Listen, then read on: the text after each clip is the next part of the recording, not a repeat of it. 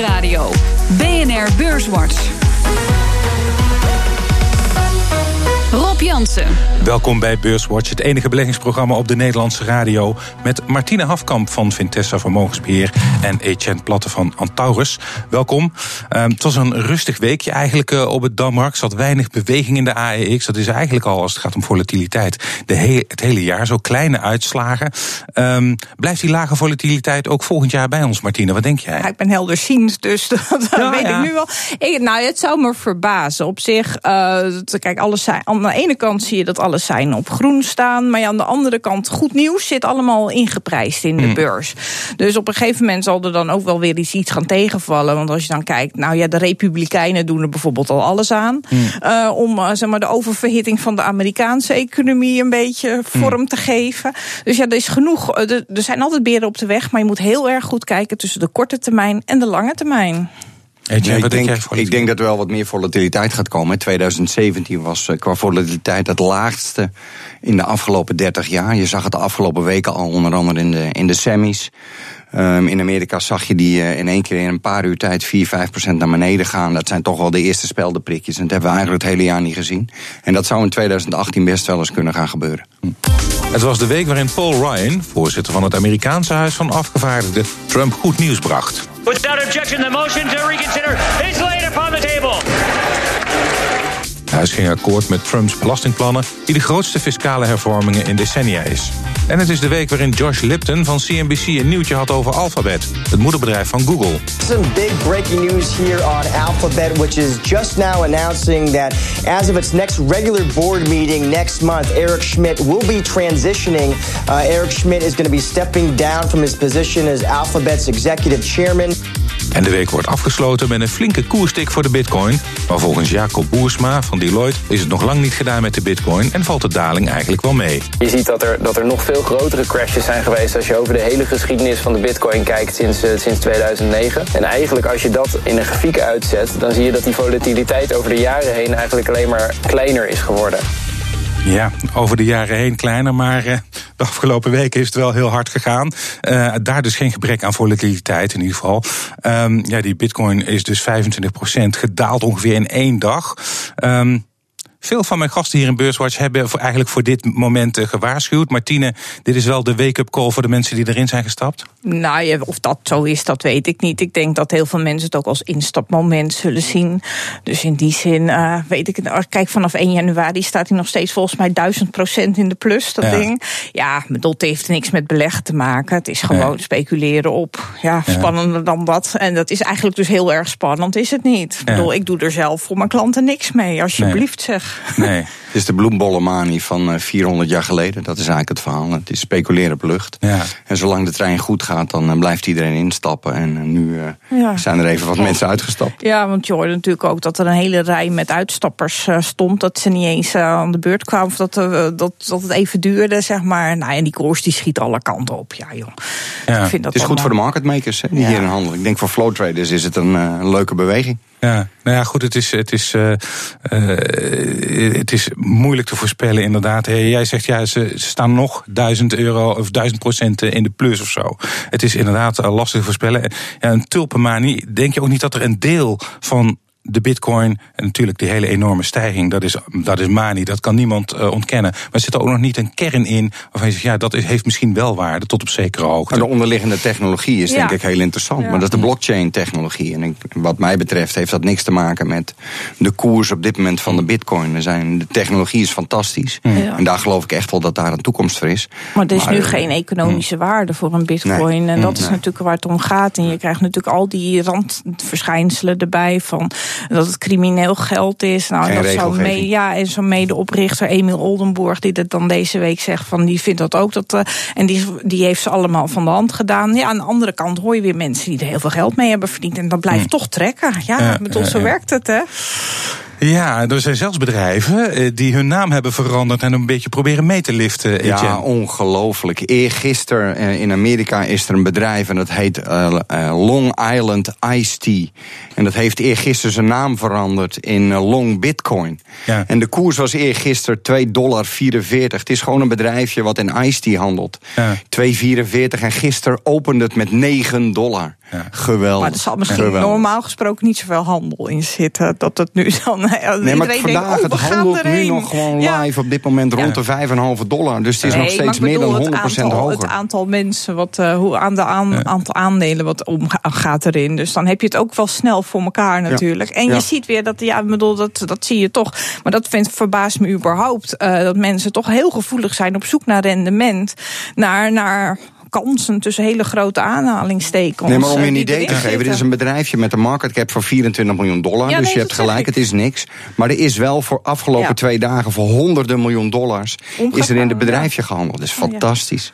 Ja. Ik ga liever naar het casino dan. Dan heb je vaak nog mooie dames. Ja. Andere, kant, andere kant van de tafel. Waarom moeten die dames er nou weer bij? Dat vind ik veel leuker om naar te kijken, sorry. sorry. Je moet toch gewoon je op dat spel concentreren. Uh, wat je zegt is interessant, eh, Martine. Uh, de, de, de aanlokkelijkheid van ja. het rendement is natuurlijk gewoon. Ik heb toevallig een mailtje van mijn vrienden van mijn bank gekregen. Op mijn vermogensspaarrekening is de maximale rente 0,1 procent. De bonusrente 0,07 procent. Basisrente 0,03 procent. Ja, dus je bent in ieder geval een paar procent kwijt. Ja, ja. ja wat, wat, dus, je bent volgend jaar dus in ieder geval een paar procent kwijt. Inflatie 1,3, vermogensheffing tussen de 1,2 en 1,6 procent. Dus je bent gewoon 3 procent kwijt. Dus ja, waar moet je naartoe? Je gaat toch op zoek, hè? Ja, komen ze toch weer bij jou en bij mij terecht, uh, ja, Martine? dat zou hey. mooi zijn. Nou ja, dat is, uh, ze, hebben, ze zijn er wel zo vriendelijk om daarbij te zeggen... Uh, slimme alternatieven voor sparen. Moet oh, je doorklikken. Ja, ja, daar, daar, zit, daar zit inderdaad bij, uh, ga beleggen. Hè, en dan doe dat dan bijvoorbeeld met 50 euro per maand... om te kijken of het iets uh, voor je is. Uh, nou ja, de grotere beleggers die kunnen, die kunnen bij jullie terecht. Uh, hypotheek aflossen uh, wordt ook nog genoemd. Uh, maar er zit tegenwoordig ook weer een boete op, geloof ik. Als je, ja. als je, als je iets ik weet niet of dat handig is. Een beetje, ja. een beetje werkkapitaal houden is volgens mij helemaal niet verkeerd. Maar. Ja, ja, jullie zullen zeggen waarschijnlijk kies maar beleggen. Nou, nou nee, nee, ik zeg dat niet per se, want ik hou niet van beleggen met geleend geld.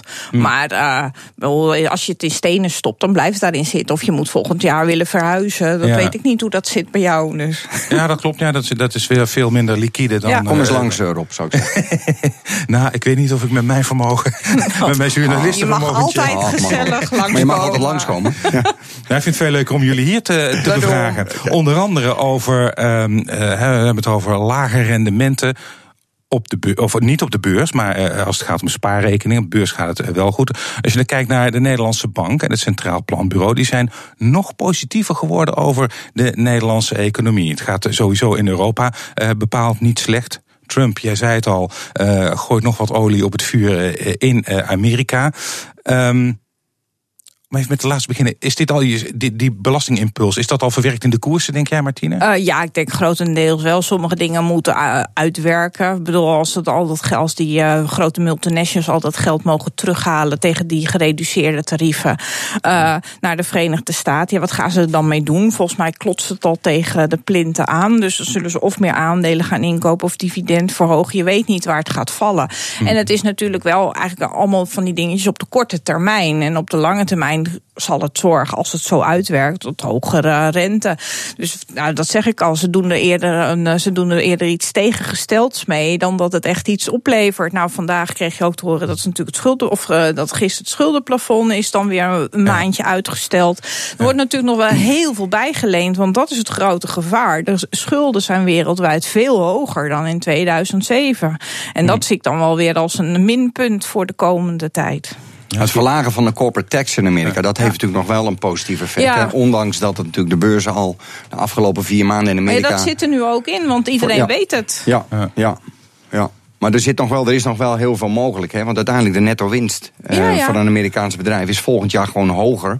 bij dezelfde huidige winst van nu. Dus ja, daar zit gewoon nog wel wat muziek in. Ja, jij zegt er zit muziek in, maar jij zei, ik, ik zie jou een beetje... Nou, kijk, je moet niet vergeten dat beurzen 6 tot 12 maanden op, op de reële economie vooruitlopen. Dus ja. heel veel nieuws zit er wel in die koers. Al dat goede ja. nieuws is wel verwerkt. En op ja. een gegeven moment krijg je natuurlijk wel, als iedereen al gekocht heeft, wie blijft er dan nog kopen? Want je ziet ook het optimisme onder consumenten, onder producenten, maar ook onder beleggers zie je wel hoger worden. Ja. en op een gegeven moment, ja, de bomen groeien nog steeds niet tot in de hemel, ook al willen we dat zo graag.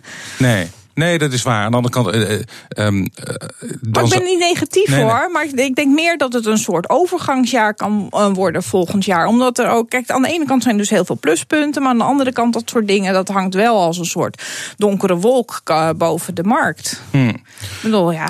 Ik, ik zie de plussen, um, of ik zie de, de, de zogenaamde minnen. Maar uiteindelijk, hè, als we het nu hebben over economische groei van meer dan 3% in 2017 en ook 2018. Volgens mij moet ik terug naar de tijd dat ik in een korte broek liep. Dat wij hier economische groei hadden van boven de 3%. Ja. Zolang dat, en dat zal de komende paar kwartalen, eh, zal het CPB dat blijven herhalen.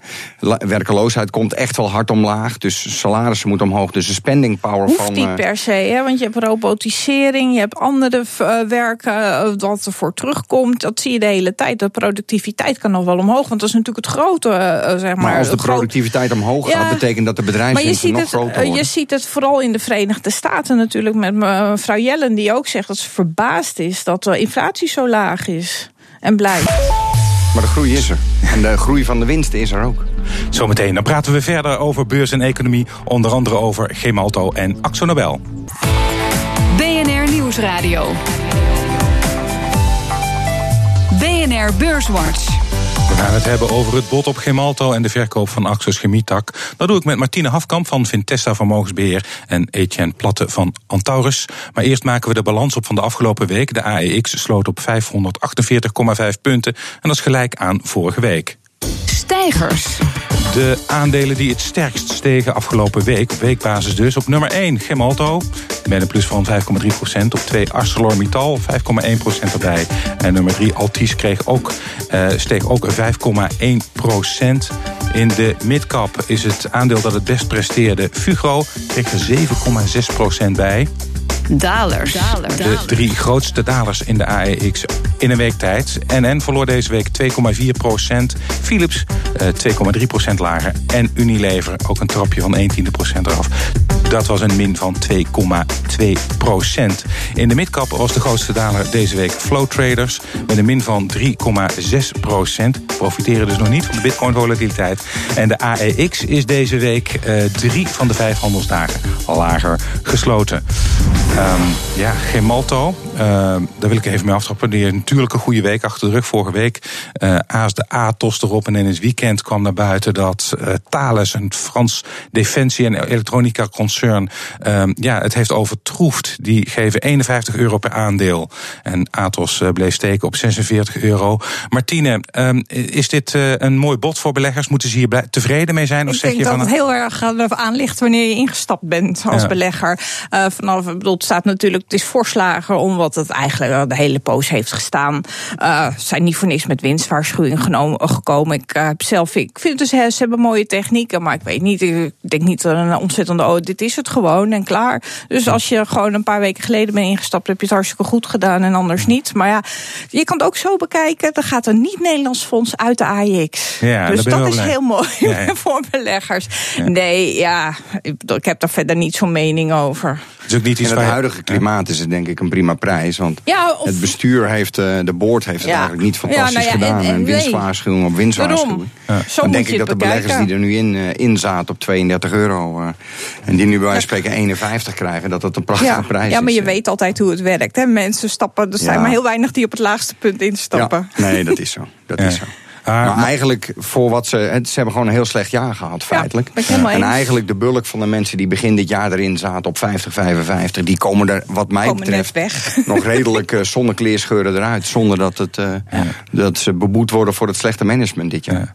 Maar mag ik uit jouw woorden opmaken, Martine? De, de Gemalto zat bij jou niet in de portefeuille? Nee, die zat niet bij mij in de portefeuille. Nou nee, koop ik uh, beleggen überhaupt nooit fondsen op basis van dat ze mogelijke overnamekandidaten zijn. Want ik moest voor Bink moest ik een lijstje overname kandidaten ja. maken. En dan had ik Gemalto getipt. Ja, het ja. was het lijstje voor 2018, dus ik haal het net niet. Hè? Dat is te vroeg. ben mijn tijd vooruit. Nee, dat doe ik nooit. Nee, ik bedoel, het is heel simpel. Je kan ze, er zat heel veel pijn in, dus uh, dan moet je dat niet per se willen hebben. Hmm. Um, nou ja, over die overnamekandidaten gesproken. Uh, KBC die heeft ook zo'n lijstje gemaakt. Ja. Potentiële overnamekandidaten. Um, wat stond er nog meer op je? Want je, met Gemalto oh, ja. was je te vroeg. Wat, wat, wat ja, ik heb nog KPN erop staan, Brunel en TKH. Ik bedoel, uh, ja. Brunel. Ja, nou ja, dat is natuurlijk eigenlijk ook de doodverf, de eeuwige overnamekandidaat. Maar het schijnt dat de grote aandeelhouder natuurlijk nu wel steeds iets meer genegen wordt om er misschien uit te gaan. Maar waarom zou hij eruit gaan? Want nou ja, omdat ik, hij ook. Ik kreeg hem ook mee hoor. Ja, nee, maar omdat hij. Ja, bedoel ik, ik heb niet zelf met hem gepraat. Want dat, en als ik dat had gedaan, dan zou ik er natuurlijk ook niet over kunnen hebben. Nee, maar je hebt natuurlijk wel vanzelf dat je dat krijgt. Dat op een gegeven moment het ook denkt van het is goed. En het is natuurlijk verder is het een prima bedrijf. Mm. Uh, het zijn van die hapklare brokjes die wel her en der uh, in Nederland natuurlijk wel op de beurs staan. Mm. En, en KPN? Ja, het is te klein voor tafellaken en te groot voor het servet. En het is natuurlijk, Europa is al zo lang bezig ook met natuurlijk dat er geconsolideerd moet worden. En ze hebben ja. tafels heel veel redelijk verkocht. En er komt echt verder niet zo heel. En ze zijn natuurlijk heel goed in Nederland met wat ze al helemaal hebben. Ja, de consolidatie zal meer in Europa plaatsvinden op Europese schaal dan. Ja. Uh, ja.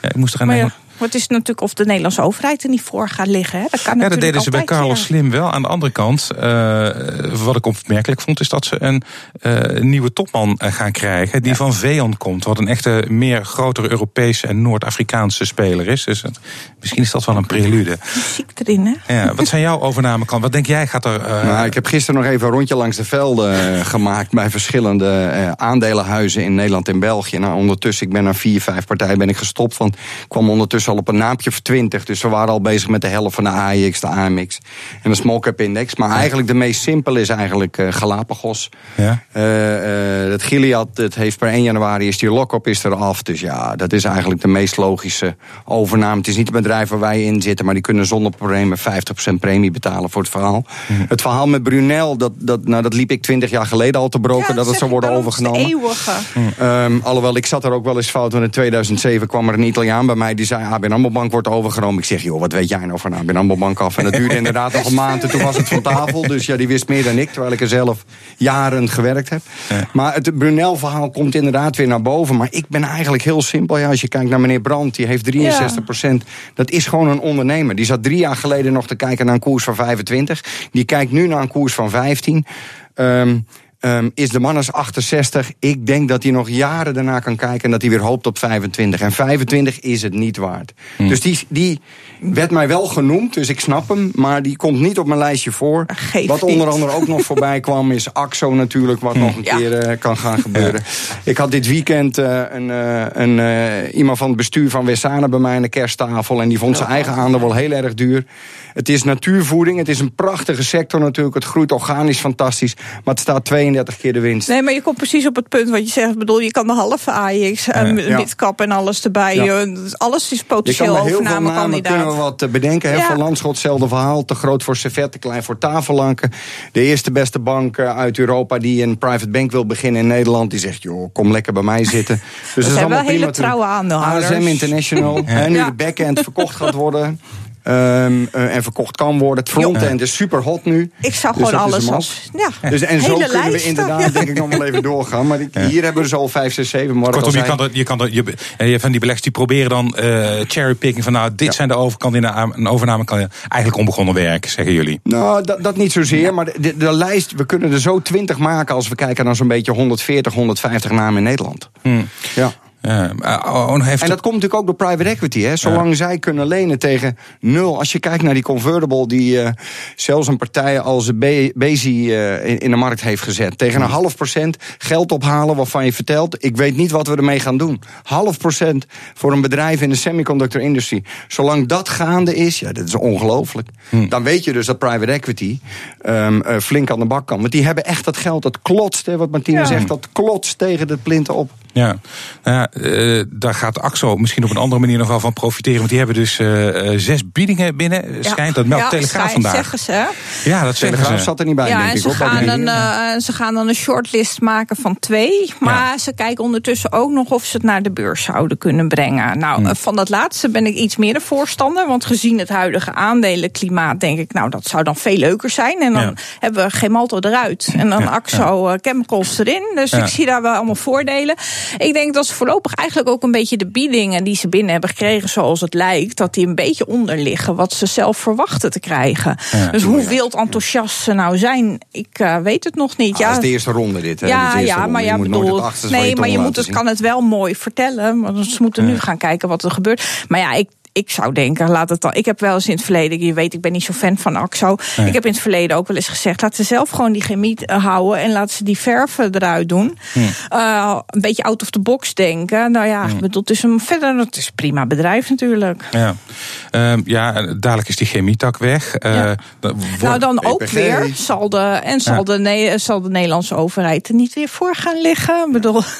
Ja, ja, er zit nu, dat is inderdaad wel een probleem wat je altijd houdt in Nederland. Nou, het is nu weer echt opgespeeld. Dus een beetje, het is wel een beetje een wereldwijd verschijnsel dat je wel weer een beetje van dat soort. Uh, dat is weer, ja, het zijn van die golfbewegingen. Nu zitten we allemaal ons eigen erfgoed uh, te, be, te, te, een beetje te, ja, te, dat ze denken van nou, dan, dan moeten we beschermen. Ja. Um, even het uh, veld overzien. Uh, begon uh, de uitzending met ja, hele lage volatiliteit. Maar met die lage volatiliteit zijn de beurzen enorm gestegen. Wall Street records. AEX toch een nette 13% Volgens mij ja. een van de beste indices in ja, Europa. Ja, zeker. Um, toch nog even een vooruitblik. Um, 2018. Ik zie ja, ik denk, ja. ik denk het thema oil services uh, dat dat uh, gaat spelen. En als je naar Nederland kijkt, dan is het Fugro. Alhoewel Fugro van de week weer wat orders gekregen. Dus ik, ik weet niet of het komende kwartaal al gaat gebeuren. Maar dan kijk ik eerder naar eind 2018. Voor mij SBMO, dus ook een aandeel wat wij in de portefeuille hebben... waarvan we denken dat die sector gaat het gewoon goed doen. Hmm. Martine, als jij kijkt naar het volgend jaar... je je bent iets voorzichtiger. Maar 13% zit er niet meer in, denk je, voor de AEX? Nou ja, het zegt nooit nooit. Het zou mij onwaarschijnlijk lijken als je ziet uh, aan de ene kant hoe lang die boelmarkt al duurt. En aan de andere kant dat je iets meer. dat inmiddels wel heel veel goed nieuws ingeprijsd zit. En sommige fondsen zijn heel duur. En er zijn ook achterblijvers. Maar ja, dat is niet anders dan anders. Maar ik bedoel, een gemiddeld rendement ligt natuurlijk iets lager dan 13% over, door de tijd heen. Je moet misschien de rente nog een beetje in de gaten houden. Kijk, op het moment dat die rente weer wat gaat oplopen, dat zie je nu in Amerika Tweejaarsrente is van 1,30 naar 1,80 gestegen in vier maanden tijd. Ja. Dat is natuurlijk heel, heel profijtelijk voor banken en verzekeraars. En aan de andere kant weer negatief voor vastgoed. Hm. Als die rente gaat stijgen, dan moet je juist geen vastgoedaandelen hebben. Hm. En banken en verzekeraars wel. Ja, ik ben niet zo enthousiast over verzekeraars. Nee, dat, eh, nou ja, hebben, de Nederlanders hebben in ieder geval allemaal nog een eh, woekerpolis uh, ja, affaire aan hun broek hangen. um, jongens, we zijn alweer bijna aan het einde uh, van de uitzending. Uh, een hele concrete tip voor de luisteraar. Mag een bedrijf zijn, mag een sector zijn, obligatie vastgoed. Um, wat is jouw concrete tip voor de luisteraar? Lange termijn SBMO en, en uh, SBM kijk offshore, over ja. SBM offshore en kijk over een paar maanden nog even naar Fugro. Ik heb de Eenje Boskalis. Die zit ook een beetje achter in de cyclus loopt die. En als je dan toch gaat, ervan uitgaat dat het de komende tijd nog wel goed blijft gaan.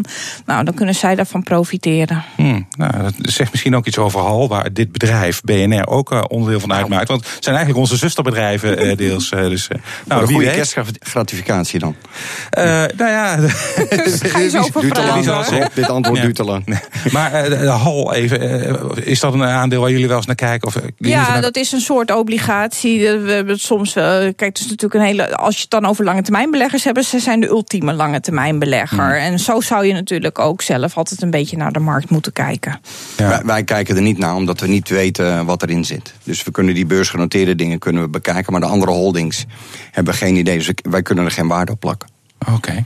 Nou, daarmee zijn we aan het einde gekomen van deze aflevering van Beurswatch. Ik dank mijn gasten van vandaag natuurlijk Martine Hafkamp van Vintessa Vermogensbeheer en Etienne Platte van Antaurus. Volgende week is er natuurlijk weer een Beurswatch, dan met Paula Zeur. Deze uitzending die kunt u naluisteren op de website van BNR of via de BNR-app. Heeft u nog vragen, dan kunt u mailen naar beurswatch.bnr.nl of een tweet sturen naar Rob En dank voor het luisteren.